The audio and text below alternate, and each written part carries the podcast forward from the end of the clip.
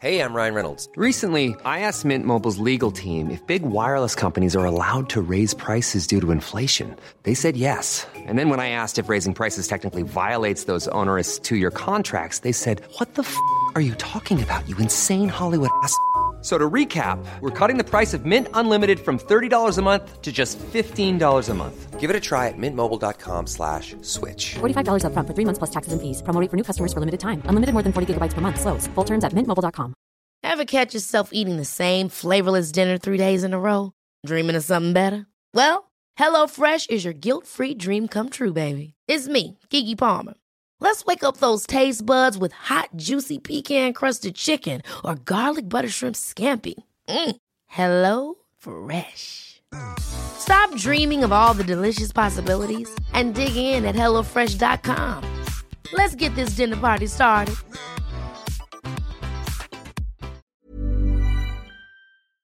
Hallå! Simon Gärdenfors heter jag och innan vi kör igång med veckans avsnitt av Arkivsamtal vill jag bara påminna om min standup-föreställning En slapp timme. Den kommer till Stockholm den 20 februari. Och senast jag kollade så fanns det bara runt 20 biljetter kvar till Göta källare i Stockholm. Så om du hade tänkt att gå så är det dags att köpa biljetter nu. Många som hör det här nu kommer nog tänka oj jävlar, jag vill ju gå. Men jag har inte fått ändan ur vagnen. Men nu så köper jag banne med en biljett. Så se till att göra det innan 20 andra lyssnare tänker exakt samma tanke. Så gå in på min nya hemsida, gardenfors.se, där biljettlänkar finns. För där finns även nya datum eh, för den här stand-up-showen i Malmö, Göteborg och Gävle också. Så passa på nu! För nu kommer Arkivsamtal. Mycket nöje!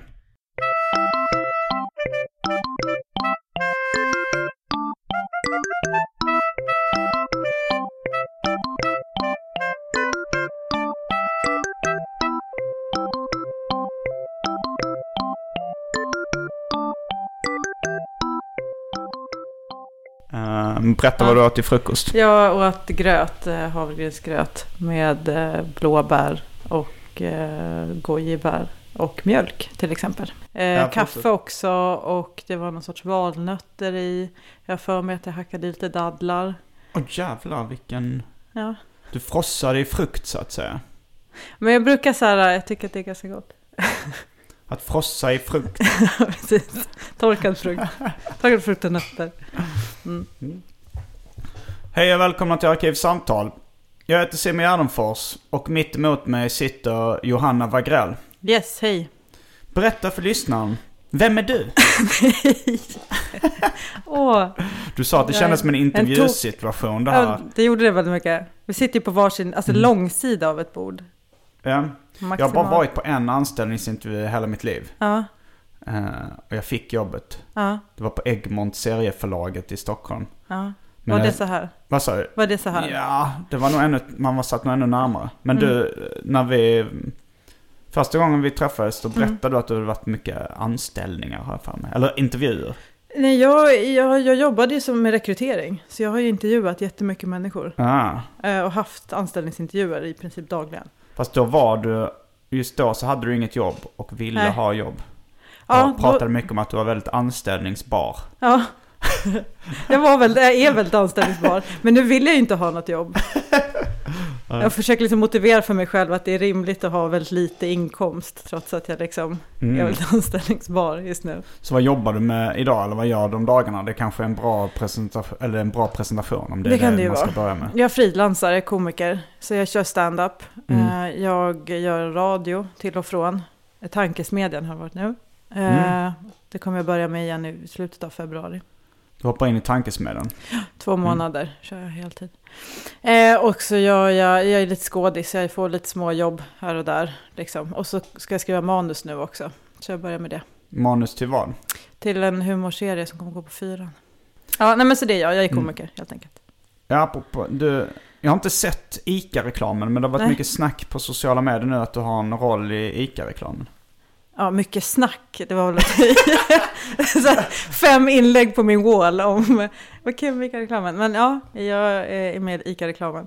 Ska du vara Eh. med? Det är väl också som en tv-serie? Om de har Ja. samma koncept som på den tiden när jag kollade på linjär tv. Mm. Nej men det, det har de. Men eh, nej, jag är bara, jag är kund. Mm. Men jag spelar en kund som hon tror är gravid och så är jag inte det och så blir det sådär pinsamt. Eh, Ja. Det är det som är själva grejen. Så det är inte så att jag ska vara med i alla ICA-reklamer. Nej. Nej, det är bara med den här. Men eh, det var verkligen första gången eh, som det var, alltså, eller första gången, det, det blev som någon sorts markör av så här, eh, bytt rollstatus. När jag kom in och de bara, äh, vi behöver väl inte sminka henne så mycket.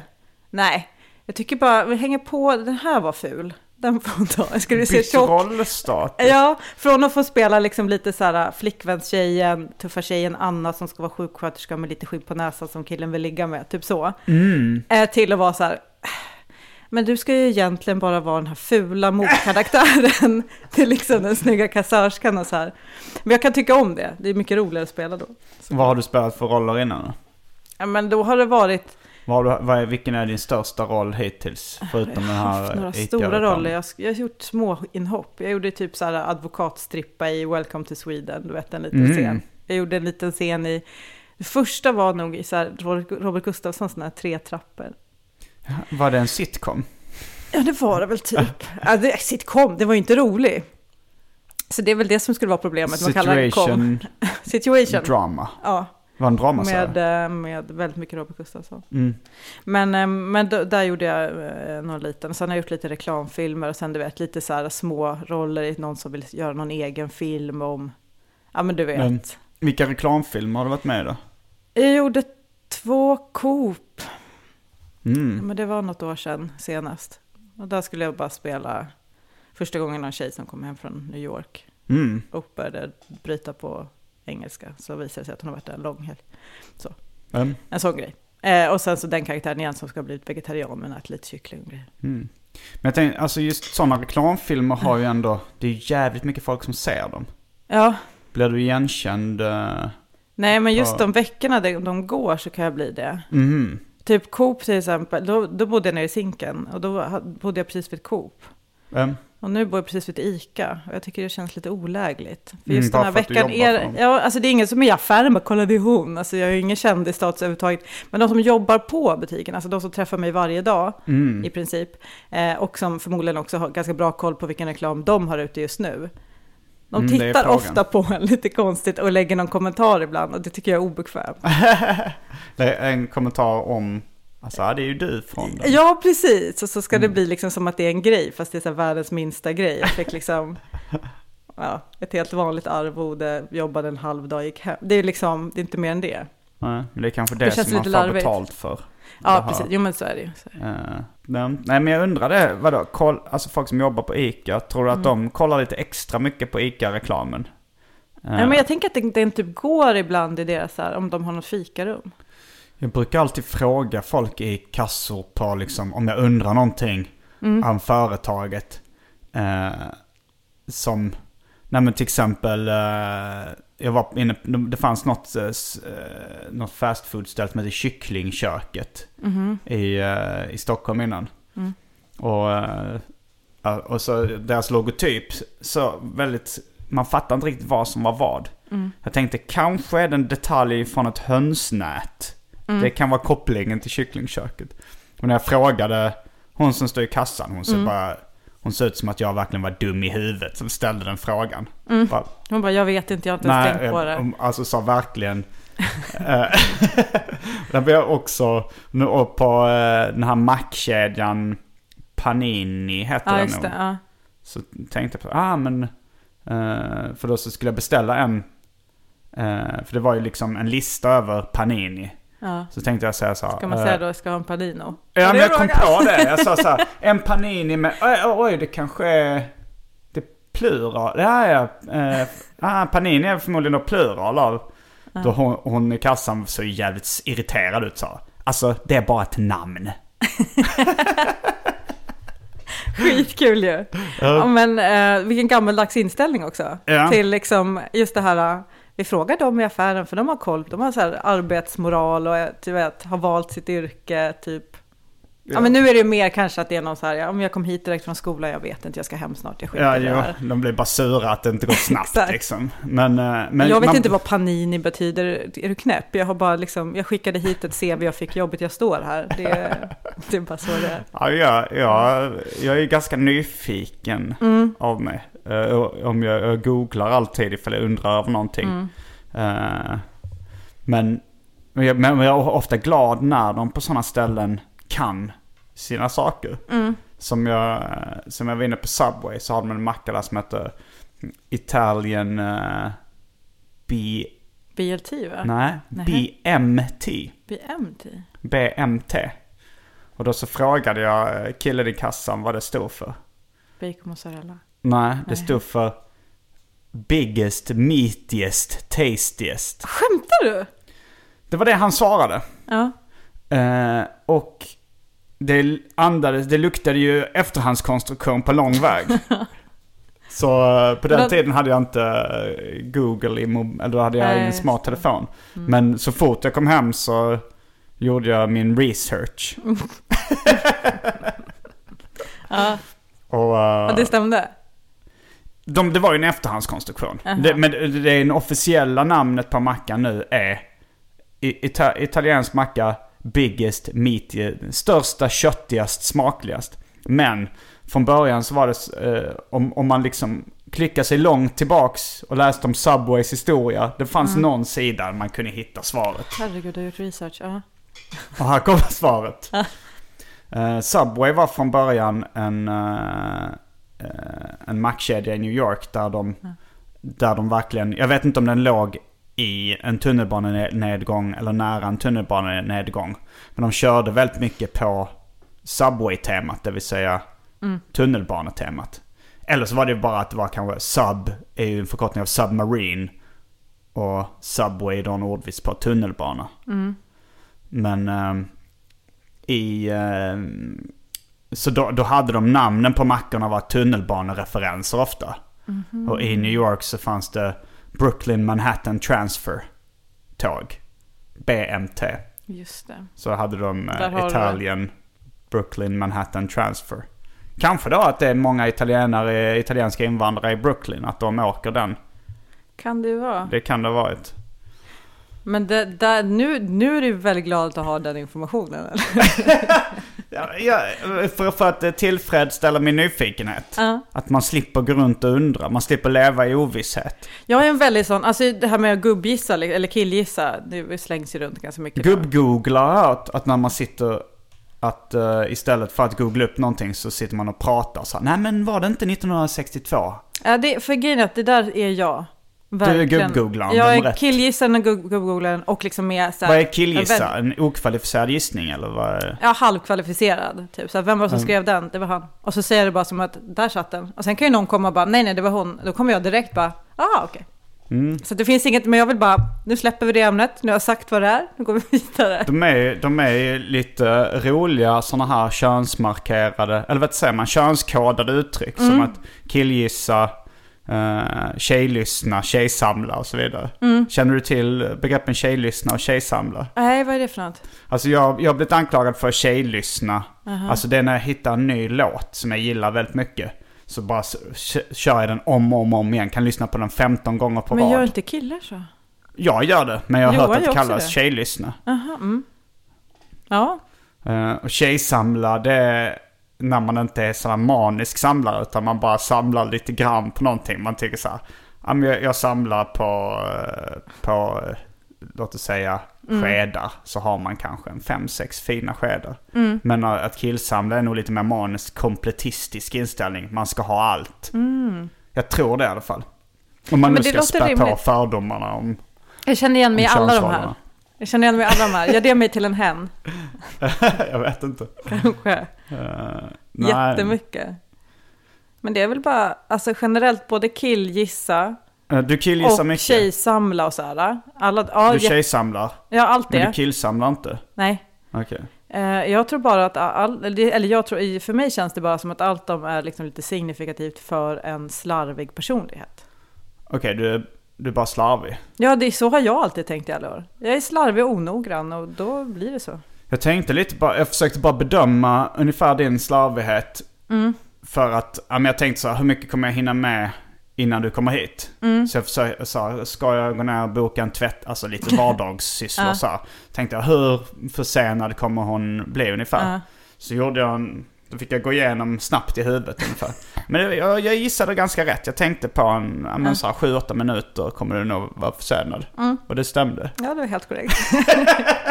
Men då Du har jag igen gjort din igenom så här, research. men igår, vi var båda två igår med i AMK morgon, Mm. podcasten.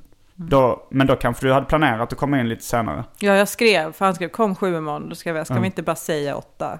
Så då fick vi Mm. det. Men är du en så. slarvig person? Ja, jätte faktiskt. Ja, men då har det blivit dags för eh, det omåttligt populära inslaget Välj drycken. Spännande.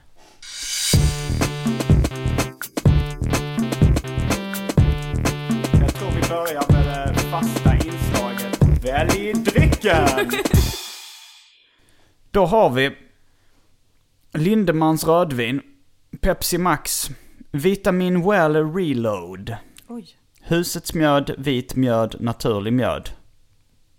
En trio i mjöd. Ja, vad läskigt. Kall gin, Volt Cola, Fritz Cola, Dr Pepper och för tråkmånsar och nejsägare, vatten. Eh, men vänta, Volt Cola, vad är det för någonting? Det är en eh, kopia av Jolt Cola. Så, vadå, det är koffe- massa koffein i, eller vad var grejen? Det är nog ganska mycket koffein i.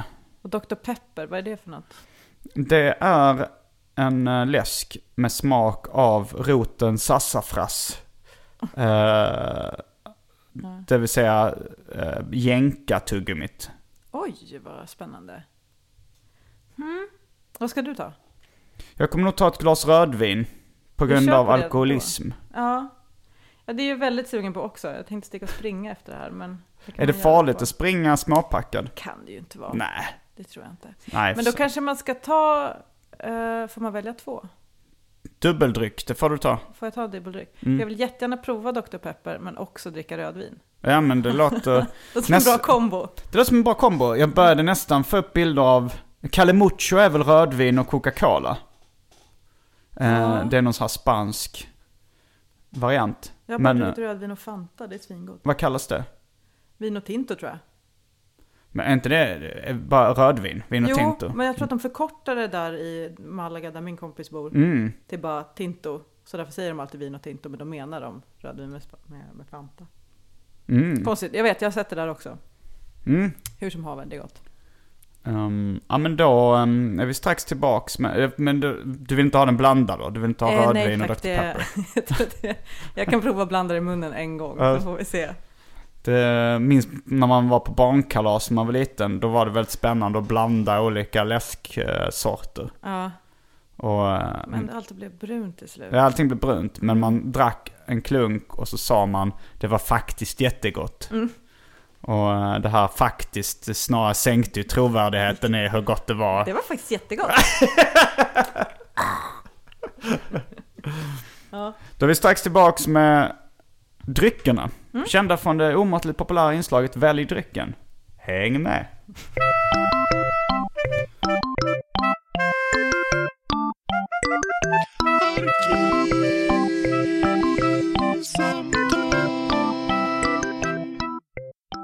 Då är vi tillbaks med dryckerna.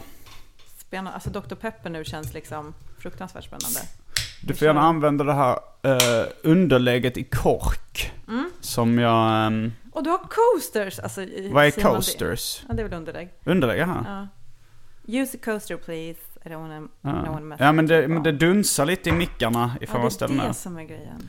Annars hade det passat väldigt bra med din lite pedantiska eh, inställning. Eh, att, att ha så här, alltså just vara ganska så här free spirit men ändå använda underlägg. Jag har respekterat trä.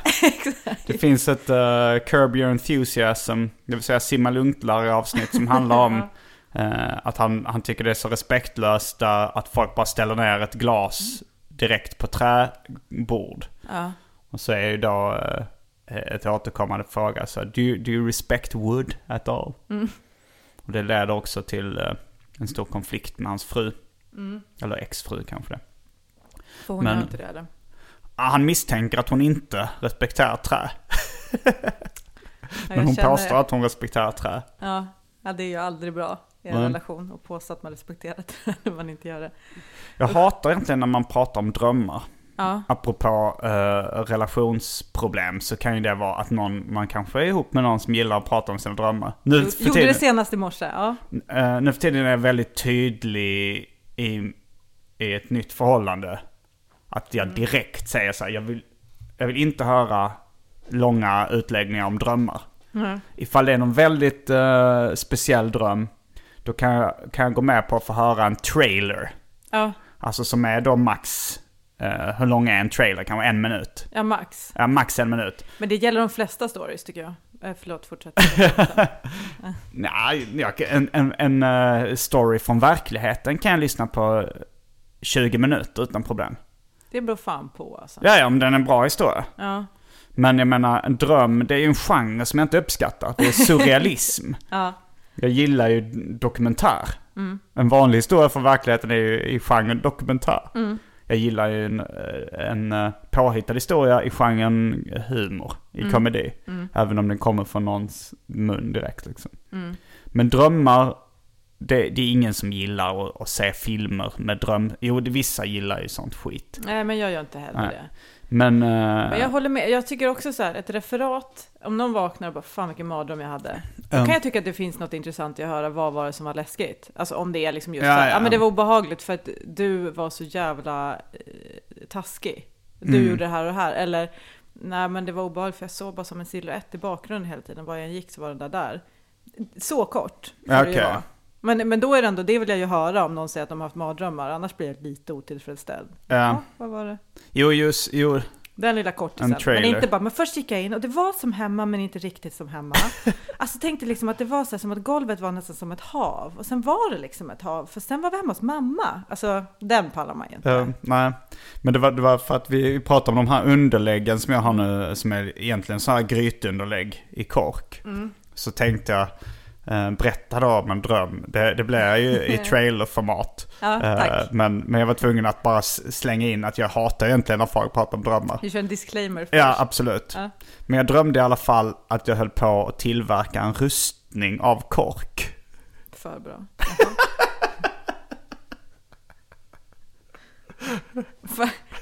Just att man bara, vad ska du med den till? Alltså, Ja, det, man flyter så bra. det kommer ni aldrig få veta. Strid på för jag vill inte prata om... Nej, jag hade ingen speciell motivering till det. Even on a budget, quality is non-negotiable. That's why Quince is the place to score high-end essentials at 50 to 80% less than similar brands. Get your hands on buttery soft cashmere sweaters from just 60 bucks, Italian leather jackets, and so much more. And the best part about Quince, they exclusively partner with factories committed to safe, ethical, and responsible manufacturing. Elevate your style without the elevated price tag with Quince. Go to quince.com slash upgrade for free shipping and 365-day returns. Many of us have those stubborn pounds that seem impossible to lose, no matter how good we eat or how hard we work out. My solution is PlushCare. PlushCare is a leading telehealth provider with doctors who are there for you day and night to partner with you in your weight loss journey. They can prescribe FDA-approved weight loss medications like Wagovi and Zepbound for those who qualify. Plus, they accept most insurance plans. To get started, visit plushcare.com slash weight loss. That's plushcare.com slash weight loss. Millions of people have lost weight with personalized plans from Noom, like Evan, who can't stand salads and still lost 50 pounds. Salads, generally, for most people, are the easy button, right? For me, that wasn't an option. I never really was a salad guy. That's just not who I am. But Noom worked for me. Get your personalized plan today at Noom.com. Real Noom user compensated to provide their story. In four weeks, the typical Noom user can expect to lose one to two pounds per week. Individual results may vary. Så ehm, hur länge har du kört stand-up nu? Uh, ja, men två och ett halvt år ungefär. Två och ett halvt år? Mm. Vad var det som fick dig att fatta beslutet? Jag ska testa stand-up eller jag ska börja med stand-up? Mm. Det är svårt att säga. Så här, jag, är ju, jag har ju en ganska lång utbildning bakom mig. I Eh, vad? Inom, I civilingenjör i kemiteknik. Mm. Jag blev klar nämligen. Eh, och så åkte jag till eh, London och skulle göra mitt exjobb och så bara kom jag dit och fick sån jävla panik. Jag bara, vad fan har jag gjort? Jag är klar nu. Ja, Men jag hatade det hela tiden. Jag bara satt och väntade på att jag skulle, skulle börja tycka att det här är jätteroligt. Det här är min grej. Civilingenjör, wow, nu kör vi. Var det någon av dina föräldrar som eh, övertalade dig? Det låter lite som Nej. ett sånt här val som föräldrarna uppmuntrar i alla fall. Ja, nej men det gör det. Alltså absolut. Och alltså, mer så här att jag, jag, det var väl aldrig på tal hemma att så här, bli skådespelare. Det kan man bli. Eller så här, du får Nej, välja. nej, det är ju inte så ofta någon... Nej, utan det var mer så men det kan, nej men det Kanske någon alltså, hippieförälder som säger så du får bli vad du vill. Ja. Och sen så eh, när, när barnen säger att de vill bli skadisar så är det inga protester där. Nej, precis. Men jag tror nästan att det är en, en, en bra väg. Därför att, ja men då blev det ju mer att jag bara, nej okej, men då måste jag bli någonting som är lite status liksom. Och då... men all-. Ja, nej, men då fick jag ju släppa det och bli liksom, jag märkte att jag hade lätt för naturvetenskap. Mm. Och då tänkte jag, liksom, man, när man är sådär ung så känns det som att man har inget begrepp om att du ska göra det här varje dag resten av ditt liv sen. Nej, det är ju ganska konstigt att Ja. man, man ska göra ganska så livsavgörande val när man är jävligt ung och dum i huvudet. Ja, ja alltså jag var dum i huvudet fram till jag var nästan 26 någonstans, var jag verkligen fullständigt oerhört korkad. Liksom. Alltså att jag vill åka tillbaka till tiden och ge mig själv en bitch slap. Alltså. Så jag var inte alls med eh, på vem jag var eller någon annan heller för den delen. Så jag, men, eh, men då blev jag i alla fall medveten, alltså när jag just just, jag tror att jag kom bort liksom ensam. Jag var liksom, det var bara jag som var i, I London? Ja, jag träffade ju vänner jag hade hemifrån, fast de inte var så nära. Hur, eh, hur länge var du där? Ett halvår. Men det räckte med liksom typ en vecka tills jag bara, men jag kan inte göra. Så ringde jag hem till mamma och bara, men vad har jag gjort? Vad har jag gjort? Liksom. Um, Och då sa hon bara, men vad vill du göra? Jag vill bli skådespelare såklart. Och då sa hon, men det kan du ju fortfarande bli. Så då... Mm. Hur dess gammal har- var du då vid det tillfället? 27. Ja, det var, det var ändå ganska... Ja, det var inte sent. jätteungt. Nej, verkligen inte. Och det var det som gav mig sån panik. Um, Men då kom jag hem och så... ehm, men var det verkligen första gången du tänkte, oj det Nej, alltså kom- det visste jag ju om, men jag hade tryckt ner mig själv. Alltså, det är det jag Mm. menar med att jag var dum i huvudet. Jag tryckte ju bort allt sånt. Jag höll Mm. på med, med skådespel tills jag var typ 16. Va, va, vad sa du nu? Jag höll på med att skådespela olika grejer. Du, du lider lite 16. av det här som många som håller på med skådespeleri gör. Att att de har sagt, när man, när man har sagt just ordet skådespelare och Ja. skådespeleri, så att man säger skådespelare, skådespeleri.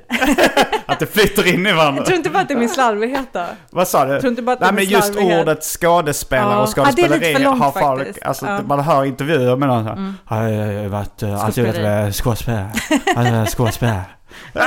Tänk om jag har lagt mig till med det för att jag vill låta lite som Nej, dem. Jag tror det bara att man säger det så ofta. När jag intervjuar um, Liv Strömquist. Mm. Då hade hon sagt ordet feminism så många gånger så hade det blivit, så hade det blivit feminism.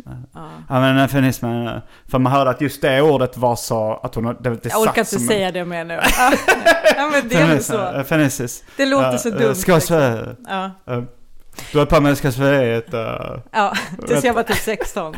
Det var det jag skulle säga. Men, tills du var 16. Uh, Ja, och sen så fick jag släppa det, tyckte jag. Okej. Mm. Men, Varf, eh, varför det? För att eh, nu skulle du bruka allvar när du fyllde 16. Ja, men då ville jag nog egentligen bara supa och, och röka och vara på krogen. Så det var nog det. Jag la ner allt för att bara... Det går att kombinera med en klichén av en skådespelarliv. Mm, Ja, men jag gick ju i, i gymnasiet, Mm. så det fattade inte jag. Nej. så. Nej, men, alltså då, men då började det. Så jag drog, drog jag ihop lite eh, teatergrupper och sånt där. Men då visste jag också redan, alltså jag, jag kommer ihåg att jag satt och plöjde liksom redan tre år innan stand-up. Alltså, Plöjde, var- alltså kolla Ja men det konstnärer. började komma YouTube och det började Mm. gå grejer på tv och du vet så här. För då bodde jag faktiskt också i London. Jag jobbade som croupier ett år där. Mm. Då satt jag liksom och bara kollade på bara, bara eh, sånt en period. Vilka gillade du då från början? Mm, men det började med att jag såg Ricky Gervais stand-up faktiskt, när Mm. den var eh, som bäst. Jag tycker att den har tappat, den, den var inte bra innan och den var inte bra efter, men då, han hade Out of England och Animals och så här, och sen så kom jag ihåg, men, jag- nej, men jag satt och, jag minns inte ens vilka jag kollade på, det var massor, det var någon från Skott, jag kan inte namn, det var någon från Skottland som jag satt och kollade skitmycket på, han med så här långt hår och ser ut som en gammal gubbe med vitt, skitsamma. Eh, och sen så började det gå det här på, i Sverige gick den här, uh, där Messiah Hallberg breakade. Vad var det då? Var det Raw TV? Nej, det kollade jag också på, men Var det någon stand-up show? Ja, det var någon sån här duell. Jaha, Last Comic Standing. Ja, Nej, det, någon sån grej. ja, eller Humorkampen. Det fanns någon sån Ja. komiker. Eh, Men det, jag tror det finns ett amerikanskt format som heter Last Comic Standing. Ja. Som jag aldrig har eh, sett faktiskt. Nej, Men det kanske är kul att, att kolla upp. ja det kan det nog vara. Men det här var något så här att de skulle gå in och så var det improviserade delar, de skulle köra, komma vidare. Lite som ordvits-SM kan man säga. men men då, då kommer jag att tänka, gud det här finns ju i Sverige på riktigt fortfarande. Det finns fortfarande stand-up i Sverige. För jag hade, kommer ihåg så Norra Brunn och typ Ja. Stockholm. När är du, vilket år är du född? 83. 83? Ja, det är lite samma generation. Ja. För då, då vi som såg slängde i brunnen på tv. Och sen upplevde nästan att det försvann. Med stand-up. Eh, men då, så då insåg jag det. Och då när jag flyttade hem till Sverige så försökte jag ta mig till Stockholm. När jag till slut lyckades flytta till Stockholm och liksom kunna köpa en Var är du från? Uppsala. Uppsala, ja. Då hörde jag mig till Raw och började stå i dörren och riva biljetter. Jaha. Så jag stod där i ett och ett halvt år. Tills jag bara, men jag kan inte stå, jag kan inte stå här och riva biljetter. Får jag göra det bara. Vad är det Du tänkte på? att det var en väg in till att börja med stand-up? Ja, men jag att, måste eh, fatta jo. hur det funkar liksom. Okej, så då tänkte du då kan jag se mycket shower gratis och kanske få Ja. en inside look. Peek behind the curtains. Ja, och jag hade ingen i min, i min vänskapskrets som tyckte om stand-up eller knappt visste vad det var eller var intresserad av att gå på grejer. Så Men- det här var ju mitt sätt att kunna gå utan att ständigt behöva hänga helt ensam. Liksom. Ehm, Det tycker jag är ganska frustrerande innan man hittar vänner som har samma, intressen. Ja, jag håller med. Eh, jag menar, innan, men jag känner att oftast blir jag ofta den som är mest fanatisk också på grejer. Mm. Alltså när jag var serieintresserad så ville jag hela tiden prata om tecknade serier. Mm. Och hittar nästan ingen som var så intresserad att de ville prata lika mycket om det. Nej, man bara ser att folk zonar ut. Ja. Ja, gud, men det kommer jag ihåg när jag hittade min första Larsson-tidning i Åre, något år när vi var där. Ehm, Och blev helt besatt. Så jag gick omkring med den där tidningen jämt och skulle visa folk roliga. De blev så trötta på mig. Mm. Det kanske var, jag tror jag var tio någonting. Eh, Men sen började jag klippa ut då, de som var mina favoriter att ha i plånboken. Så att om jag träffade någon ny så kunde jag också visa. det var jävligt roligt. Så ja men det är roligt. Det är också så ett tecken på ett starkt humorintresse liksom. Ja, nej men det är alltid. Ja. Gud. Det är så jävla eh, humor. Jag tycker humor är skitkul generellt. Alltså även sånt som jag inte tycker är så roligt tycker jag är ganska kul att titta på. Ja. Jo men det, jag tycker också det, men det känns rätt givet tills man inser att det finns folk som inte är speciellt intresserade av humor. Som inte, som inte tycker det är så kul liksom. Eh, Eller som nästan aldrig ser ens, eh, aldrig väljer genren komedi. Nej, Om man ska vad är det för sjuka människor? ja. Så du började riva biljetter i Raw-dörren? Ja. Raw låg då på Hilton Slussen i Stockholm? När jag började så var det fortfarande på Gröna Lund. Aha. Vilket år var det här? teatern. Åh, jag vet inte. Vad kan det ha varit? 2011? Um, Något sånt. Men sen så, eh, så står det, men så slutade lärde jag. du känna så, några komiker då? Ja, men alltså, man kunde ju prata med, vi satt och hängde ibland efter och typ så Mm. tog en öl och sådär.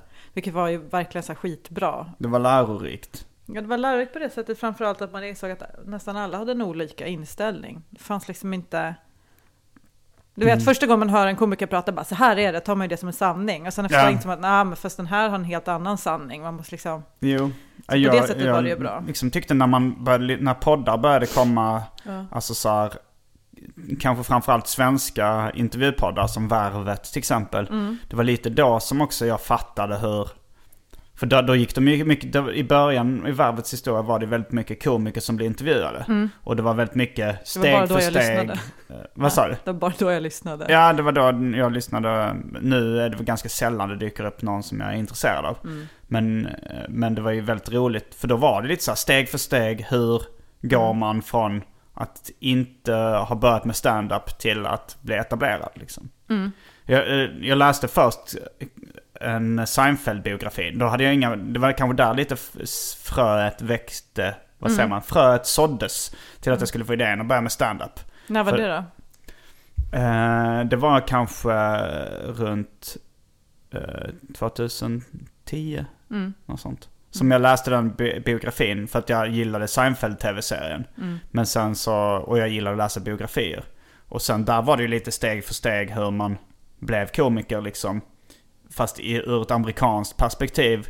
Eh, att de liksom gick på Catch a Rising Star och Comic Strip och sånt där. Mm. Eh, men, men sen när värvet kom så fick jag kanske lite samma känsla som du fick det här. Oj, det här finns i Sverige. Mm. Och, och då pratade de om... Jag tror jag hade nog gått på Big Ben för skojs skull och kollat på komiker innan. Men, Mm. men då fick man också så här, ja det är så här det går till.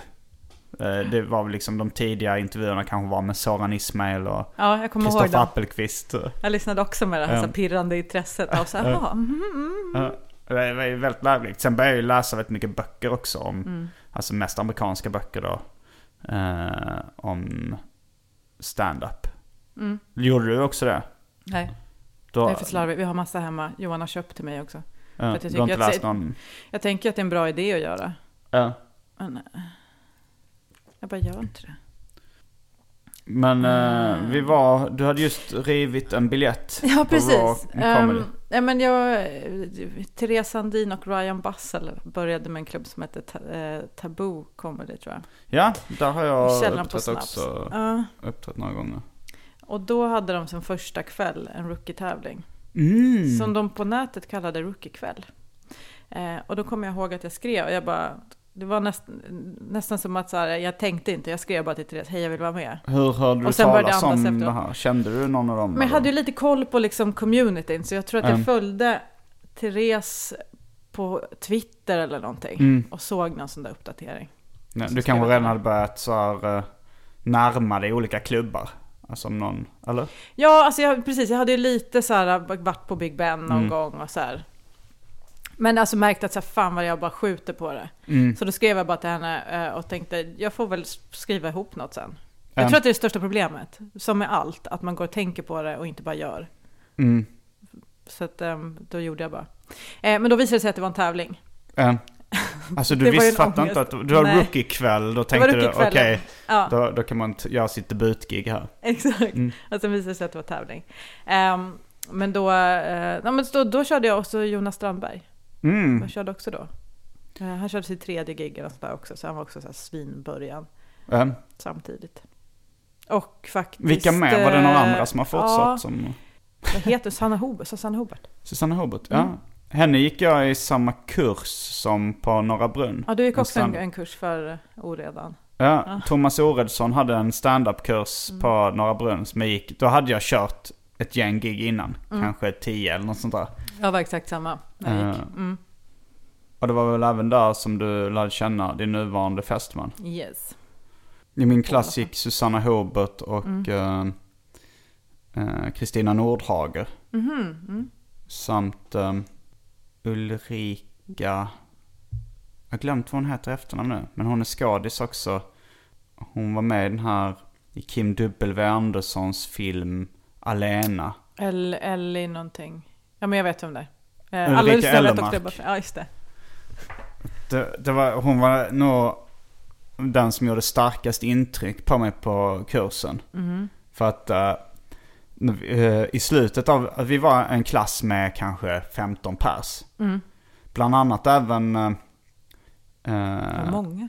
en- ja, det var nog 15 pers. Bland Mm. annat eh, en medlem i Gyllene Tider. Micke Syd Andersson. Fruktansvärt kul. Tid. Han, men han hoppade av efter typ andra dagen eller någonting. För att...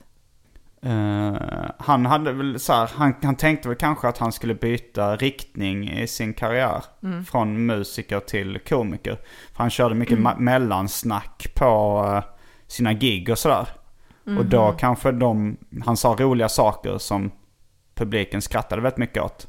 Åh nej, jag kan tänka mig på vilket sätt. Ja. Men, då, men då, har, då, då är det ju fans, man har verkligen publiken med sig. Mm. Eh, men sen så när han körde skämt inför klassen, som han gjorde, då gick det ungefär lika dåligt som för alla andra. Mm. Det var svårt att få skratt liksom. Sen så gjorde vi en improvisationsövning där man fick en lapp med ett ord. Och så skulle man gå upp på scenen och improvisera kring det ordet Ja. inför klassen. Det kanske ni också gjorde. Ja. Men när det var hans tur att få en lapp, då gick han upp på scenen och sa, ställde sig och sa Jag insåg en sak nu. Jag vill inte göra det här. Nej men, Och sen så kom han aldrig tillbaks. Jo, på avslutningen så kom han tillbaks. Han skrev ett väldigt fint mail till oss andra kursdeltagare om att han tyckte om oss. Men han valde att hoppa av och sådär. Men uh, Ulrika Ellemark var... väldigt rolig på det sättet att hon, hon hade testat stand-up innan. Men hade varit extremt, eh, ganska snuskig och ganska grov. Och det hade funkat eh, rätt bra på Big Ben. Eh, men sen så tänkte hon att ja, men jag kanske ska gå den här kursen och försöka skriva saker som inte är chockhumor, som inte är vulgära, som inte är snuskiga. Och så gjorde hon det och det gick inte så bra då liksom. Hon hade inte det i sig. Hon hade mest det snuskiga humorn i sig. Ja. Ehm, och sen så skulle vi då ha en avslutningskväll där man fick bjuda in vänner och familj och släktingar och kolla på. Och jag tyckte ju- jag ville inte att någon av mina vänner skulle se mina första stepp, stapplande steg som komiker. Nej, ingen var inbjuden till när vi körde. Eh, men det var bara Ulrika Ellermark som, eh, eh, som hade bjudit in. Och hon hade jättemycket gamla släktingar. Herregud. Alltså det var så här kanske tio stycken gamla judiska tanter och gubbar. Hon gav ju upp. Hon tänkte nej jag kan inte skriva eh, snällt material. Jag kan inte skriva familjevänligt material. Så jag kör den rutinen som senast funkade för mig. Och den hade rubriken Kukar jag sugit och hur de smakade. och, och jag, jag, Den vill man ju höra. Ja, det var, en, det var en rolig rutin. Ehm, och grejen var att jag, jag tänkte så här att... eh, för jag hade hört uh, serietecknaren Daniel Klaus. Han, jag har aldrig gått på konstskola. Men han har gått på konstskola och han, och han gjorde en serie om det. Han hatade sin tid på konstskola, tyckte det var helt meningslöst. Men han gjorde en tecknad serie som heter Art School Confidential. Som, ha, som är en skitrolig serie. En kort serie på bara kanske sju sidor eller någonting. Som sen blev en film som inte var speciellt bra. Men, eh, men serien, den, den är jävligt rolig. Det är liksom mycket olika karaktärer från konstskolan. Liksom mycket olika freaks och, och sådär. Och han säger så här, det enda jag ångrar var att jag, eller så här, det, om du går på konstskola så har jag tipset så här att ta foton på de andra elevernas konst och dokumentera det. Det är det enda jag ångrar från min tid på konstskolan. Det som jag ångrar mest. Att jag inte... Jag hade, jag hade velat se den här eh, killens poängteristiska... Jag hade kunnat betala stora pengar för att se den här killens poängteristiska clown han tecknade. Det är så här olika grejer som var så fula och liksom så här freakshow-material. Så jag, jag hade hans ord i bakhuvudet jag tänkte, för det var jävligt mycket freaks på vår kurs också. Ja. Det var... Det var... eh, Och det, Det var min som- nästa fråga nämligen. Hur hade ni det med freaks? Ja. Ja. Men jag tänkte på den här avslutningskursen så spelade jag in hela, hela allas gig liksom på mobilen. Och det, det har jag ju sparat någonstans. Du har ju spelat det upp en för mig. Ja, var det... När vi var på väg Ja, till Hallstahammar. Jag spelade upp ett freak för det. Ja, Jag spelade inte upp Kukar jag sugit och hur de smakade.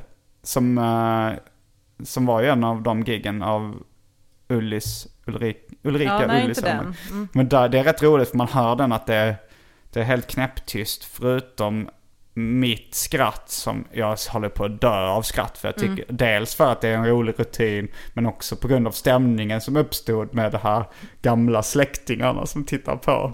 Åh, Eh, jättekul. ja, det är jättekul. Jag kommer ihåg en gång när jag körde för mina föräldrar.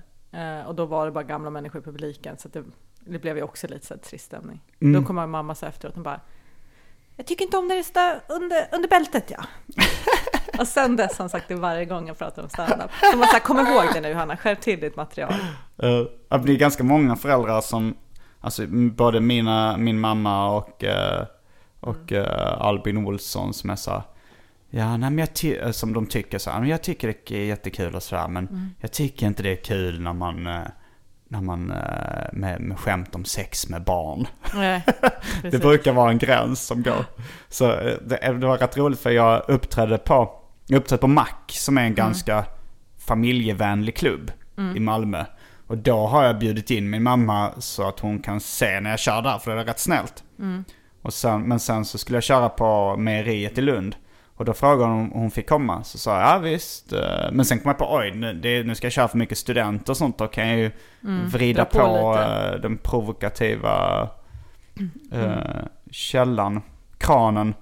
Så då sa jag, men det kommer ju vara rätt grova, vulgära skämt. Jag vet inte om du kommer uppskatta det. Så sa hon så ja men, nej, men jag, jag klarar av det mesta. Det är så här, men det är just det här med pedofili och det, jag tycker inte det är roligt. Jag kan inte. Så sa jag, ja men då kanske du inte ska gå för att eh, det kommer vara en del uh, pedofilskämt och sådär. Och, och eh, jag kommer skämta om förintelsen och sånt också. Nej usch! Nej.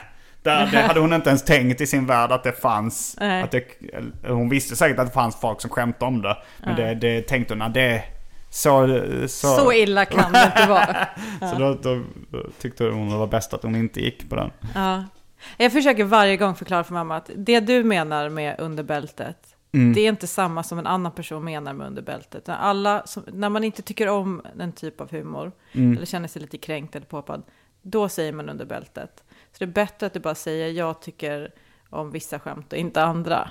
Därför att det, liksom, det finns inget som är under bältet. Vissa menar när man är taskig, vissa menar när man säger fitta och andra tycker att ett skämt om man säger fitta är jätteroligt, men ett annat hade ingen finess. Så då blev det under bältet.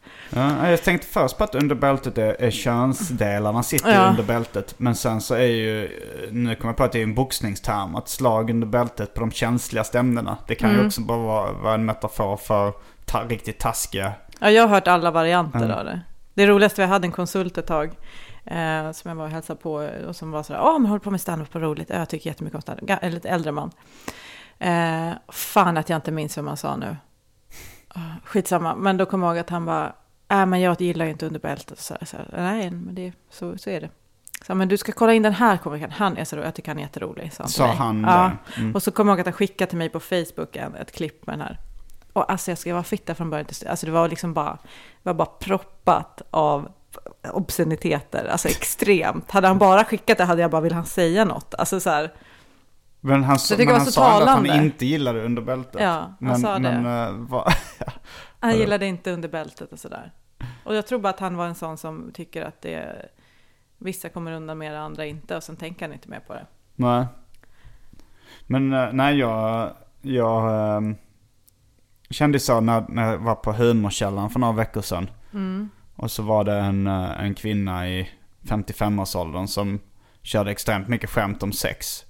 Mm. Jag tyckte det var ganska äckligt. Att hon uh, skämtade på ett ganska äckligt sätt. Ja, Och jag är ju ändå liksom väldigt liberal vad det gäller humor. Jag tyckte inte det var, det, alltså problemet var väl inte att hon skämtade snuskigt egentligen. Utan skönt och tråkigt. att det inte var kul. Ja. Men, men det blev extra jobbigt för att, eh, för att, det, var, att det var sex. Att det blev så här pinsam stämning Ja. också i lokalen.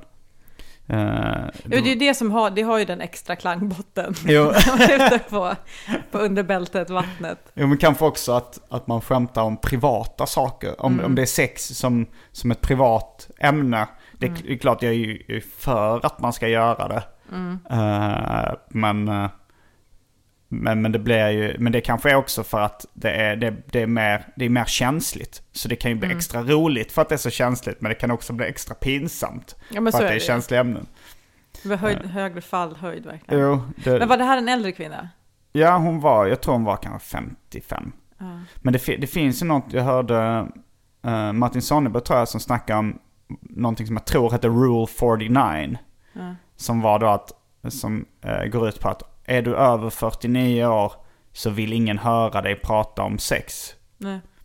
Det finns en komiker i Sverige som är eh, över 80 år. Jag ska inte nämna några namn. Men han skämtar väldigt mycket om sex. Lenny Norman. Han påstår att han har slutat skämta om sex, men Ja. det, alla som eh, är insatta vet att det är en total lögn. Ja. Eh, men, men, men det kanske är så lite att man, mm, när, eh, när folk är över 49 så tycker man det lite äckligt. Jag såg nu, jag- när, när jag tänkte på det här om dagen så så, så Wikipedia Louis CK och han är 48. Men han har också sagt att han har slut, att han börjar tycka lite äckligt att göra så här runkrörelsen på scenen. Att han har slutat med det. För han kom på att det var, han började skratta när han själv i den intervjun han sa, för han sa, "Ja, men jag tycker det är lite äckligt med så här Äh. Så men det har ju, du, har ju, du har gjort det hur mycket som helst. Ja, men jag kom på nyligen att det är fan ganska äckligt. Ja. Men han gör, han gör ofta den här, så här runkrörelsen med handen. Men jag kan hålla med om det, för jag har sett Louis CK i några grejer när han pratar Mm. om sex. Och man känner lite så här, oh, men vänta, det är inte kul. Jag behöver inte höra att du tänder på jätteäckliga saker. Vi behöver inte prata om just dig. och det, så det ligger nog faktiskt någonting i det. För jag tycker så här, äldre kvinnor som kör, ibland kan fastna i äldre kvinnor. Men jag har tänkt just på det eftersom eh, de har ett tics de gör. Så fort de ska prata om någonting som känns lite Mm. ekivokt. Och vad är det ticket? är att de ofta lägger till mm, ja. mm, ja, visst.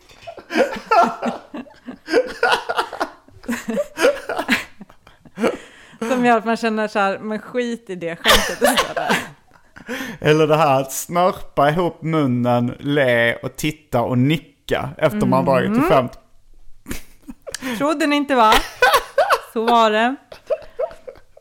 Och det blir lite samma, jag kände med John Howdy, han hade några grejer som jag tyckte var jättebra, så inte för det. Men han, ehm, han hade också en del som var liksom gick ut på att oh, Scarlett Johansson är så sexig och man bara uh, Är vänta, han över 49? jag vet inte det, men det kändes ändå lite så här, jag vet, men jag behöver inte tänka på att du tänker Ja, han hade ju också det här gammaldags wow, wow, we, wow, någon sån grej. Och man var lite så här, ja, det är okej, men vi behöver inte... Ja, det är med en Borat-referens. den Den börjar bli rätt gammal. Men... Ja, men man kanske kan liksom lägga upp det på ett annat sätt. Det är klart att man kan prata om samma sak. Jag kan tycka att det, det, det finns ju någonting i, i, i ämnet eh, jag är gammal men jag vill fortfarande ligga som för, kanske fortfarande har poänger. Mm. Men då kanske man får ta vägen kring eh, ja det är så, jag fattar att ni tycker det är äckligt för jag tycker att det är skitäckligt att tänka på det själv. Eller så här, någon sån spin som gör att det inte bara handlar om visst den här kärringen är fortfarande igång sen är mm, ja. det kan nog, Rule 49 låter bra. Eh, det var Sandra Ilar, har, eh, en av... Rolig. Ja, hon är väldigt rolig. Hon har en klubb eh, som heter Humorkällan. Hon, det, det var ju på hennes klubb då som den här... Mm. Och då pratade jag med henne om Rule 49. Och så sa hon att hon hade pratat med några andra kompisar om att det finns även en undre gräns. För det finns en, en 14-årig kille som nu har börjat köra rätt mycket stand-up. Eh, och han pratar också ganska mycket om sex. Mm. Ja, och hon sa, att, nej. hon sa att det finns också en sån undre att det borde, kanske är Rule 14 eller någonting. Att om du är eh, under 15 så, Ja. så det, känns det också lite obekvämt. Vi folk tycker som- fortfarande att du är gullig. Liksom. Eller hur? Vi behöver inte... Vi vet själva hur det är när man utvecklar sexualiteten. Det, nej, du är inte klar, så håll det för dig själv. Det blir pedo. Nej, men jag håller... Gud, vad sant. Eh, Men samtidigt så tror jag att är man tillräckligt skicklig, både Ja, ja. som ung och som gammal, så kan man ju göra det roligt. Natur, ja, men det är precis det är det, men, men det är just... De flesta är inte så skickliga. Inte så skick- nej, det, det, det blir större, som sagt större fallhöjd. Ja, och även när man är skicklig så tror jag man måste tänka liksom i, i nya ingångar i det. Ja. Det kan inte bara gå direkt på runkskämtet liksom. Nej men I samma utsträckning kanske i alla fall. det var nog en, ganska, en sak som jag trodde innan jag började med stand-up så, eh, så trodde jag nog, alltså så här, fattade inte riktigt hur, vilken effekt fula ord hade. Nej. Att eh, jag trodde nog att det, för att, att det bara livade upp ett sätt. Att Mm. slänga in knulla och rövhål och, och kuk och fitta liksom. Men man märker att, Ja, de måste placeras ut.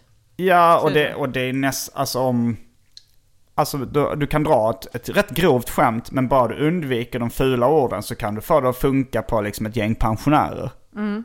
Eh, men, men, eh, men liksom, det är väldigt många, jag har nog inte fattat att det är väldigt många som så här, fortfarande tar illa upp av runda ord. Mm.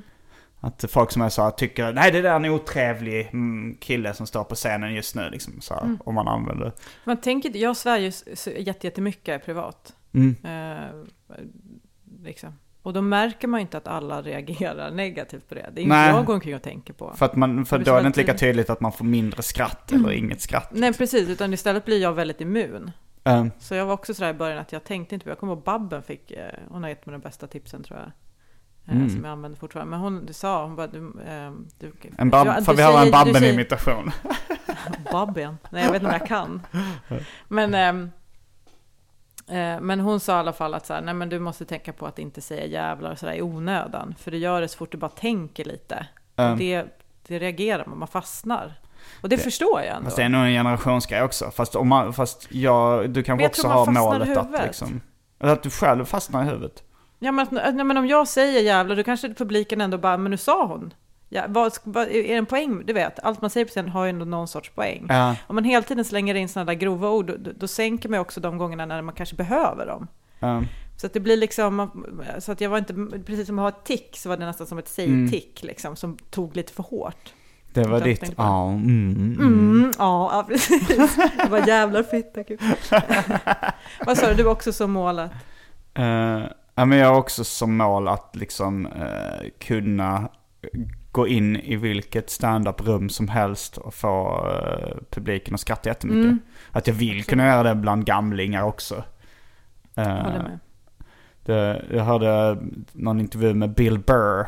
Mm. När, han, när han började med stand-up så berättade han det också att han hade som mål så här, att kunna eh, liksom döda vad som helst. Mm. Döda är då liksom att göra jättebra ifrån sig inom stand-up sammanhang. Mm. Men alltså att han gick upp på att det fanns så här eh, i USA black rooms. Eller så här att det var eh, urban comedy kanske det hette. Alltså det var, Mm. näst, det var bara svarta komiker som uppträdde för en uteslutande nästan svart publik. Mm. Men att han även anmälde sig till de klubbarna.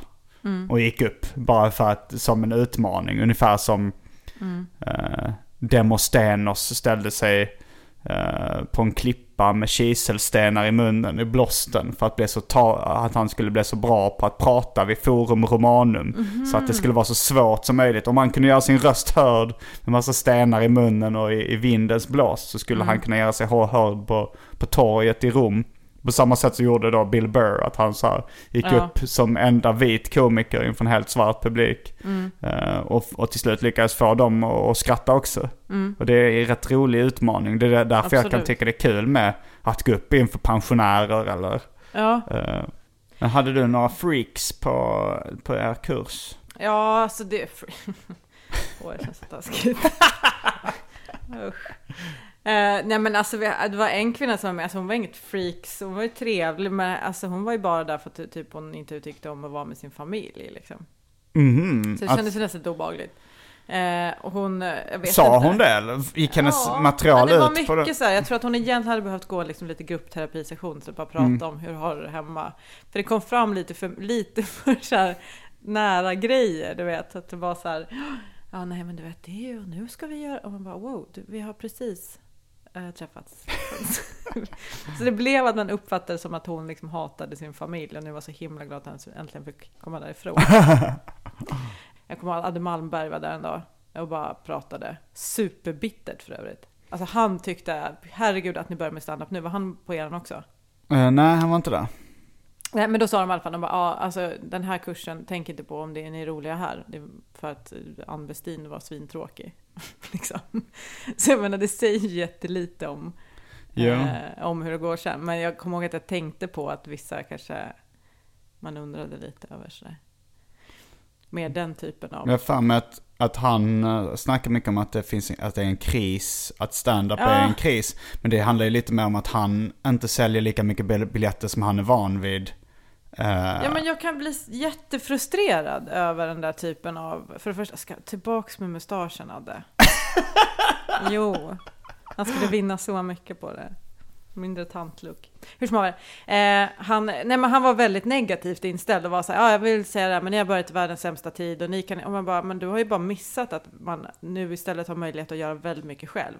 ehm, Det är liksom, folk startar klubbar, man startar poddar, man kan, Ja, det är en lättare väg in till tv för det finns mer att göra, det finns, man kan göra egna Och sketcher. tv är ju så mindre än, alltså om så Ja. Pewdiepie hade ju inte varit lika stor om han haft ett tv-program. Som nej, han är visst. nu liksom på YouTube. Och att man kan göra allting själv. Det, Mm. Det är mer det att, nej visst, det, är, det kanske är svårare att liksom gå in, hålla på två år och sen kunna förs- försörja sig som stand-up-komiker. Absolut, men det finns ju alla möjligheter att göra vad man kan med sin kreativitet inom humor idag. Alltså det finns ju jättemycket möjlighet.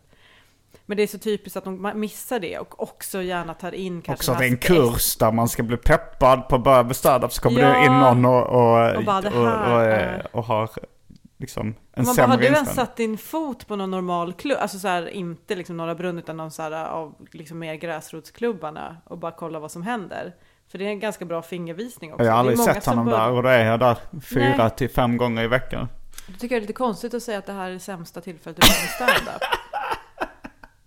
Alltså det är ganska roligt på något sätt. Ja, det alltså, finns något jättekul i det. Jag tyckte det- han var väldigt, alltså han, han gjorde inget fel, han var ju jättetrevlig. Jag tycker att han har väldigt roliga grejer att säga. Ja, han är Men- säkert snäll, men, men det är också så att nu...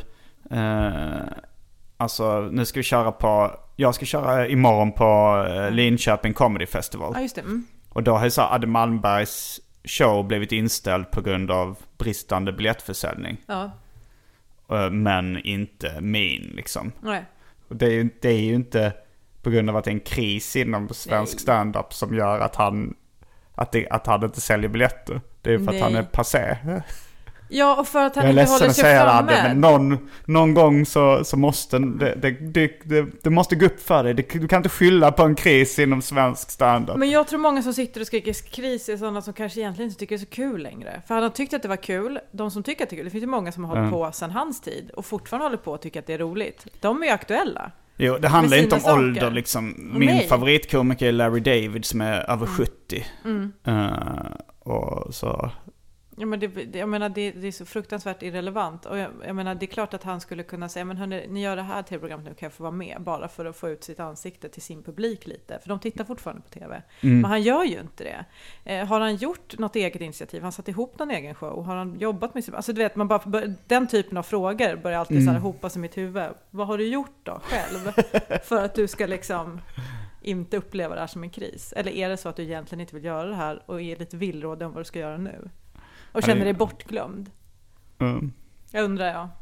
Jag, jag tror att i och med poddar så har stand-up-branschen vuxit ganska mycket. Mm. För det, då alla de här poddarna har ju blivit lite det nya radio och tv liksom. Det som, Precis. det som folk uh, snackar om eller och Det är som lyssnar på. Uber för taxi. Ja. För radio. Men ja, jag, jag märkte det idag på, på Konsum. Så kom det fram en kille som eh, stod före mig i kön och sa så här, ah, är det du som är Simon? Jag brukar lyssna på din eh, podcast. Att, eh, Gud vad kul ändå. Ja men att det börjar verkligen bli, nu, nu, nu är det femte kalenderåret jag har den här podden igång. Ja. Eh, men och att den växer hela tiden. Att det nu det liksom... eh, och att jag tror, jag snackade med det med Martin Sonneby också Mm. igår. eh, när jag sa liksom att eh, det är viktigt att vara punktlig. Att alltid liksom, att varje vecka komma ut med ett avsnitt. Så sa han, ja det är viktigare än kvalitet. ja, jag vet. Och då tyckte jag att han sa, då trodde jag först att han skojade. Men sen, sen såg man, nej men allvarligt alltså. Det, det är viktigare att finnas där för sina lyssnare än att alltid vara jättebra. Och då, då började jag ta upp jämförelsen med föräldraskap i, i mitt huvud. Att det är nog förmodligen viktigare att vara närvarande förälder än att vara en jättebra förälder alltid. Gud, att, ja. att så bara finnas där för sina barn. Så samma sak så med, med att vara podcaster, att man ska finnas där för sina lyssnare. Men jag har ju gått en typ av terapi, så gruppterapi, som heter Mm. gestalt, som också är en typ av skådisutbildning. Vad sa du? Eh, gestalt? Mm. Gestaltterapi heter Mm.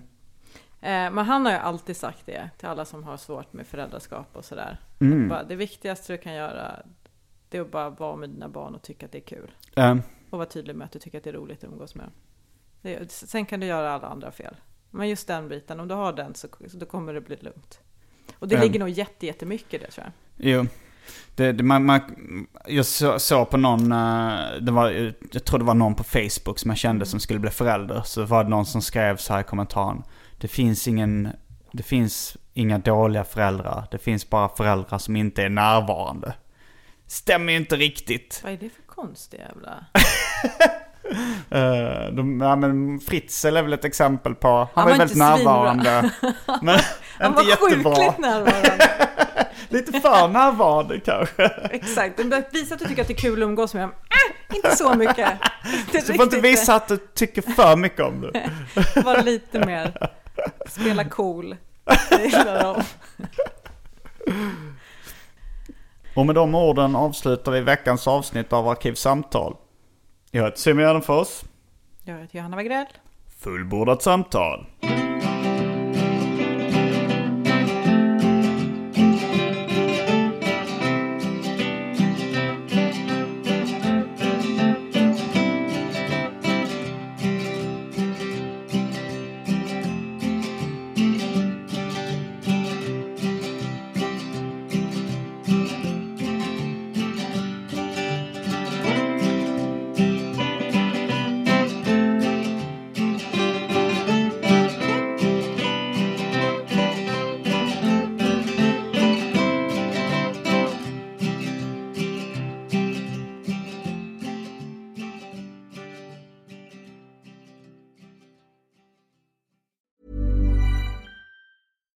Catch yourself eating the same flavorless dinner three days in a row? Dreaming of something better? Well, HelloFresh is your guilt-free dream come true, baby. It's me, Kiki Palmer.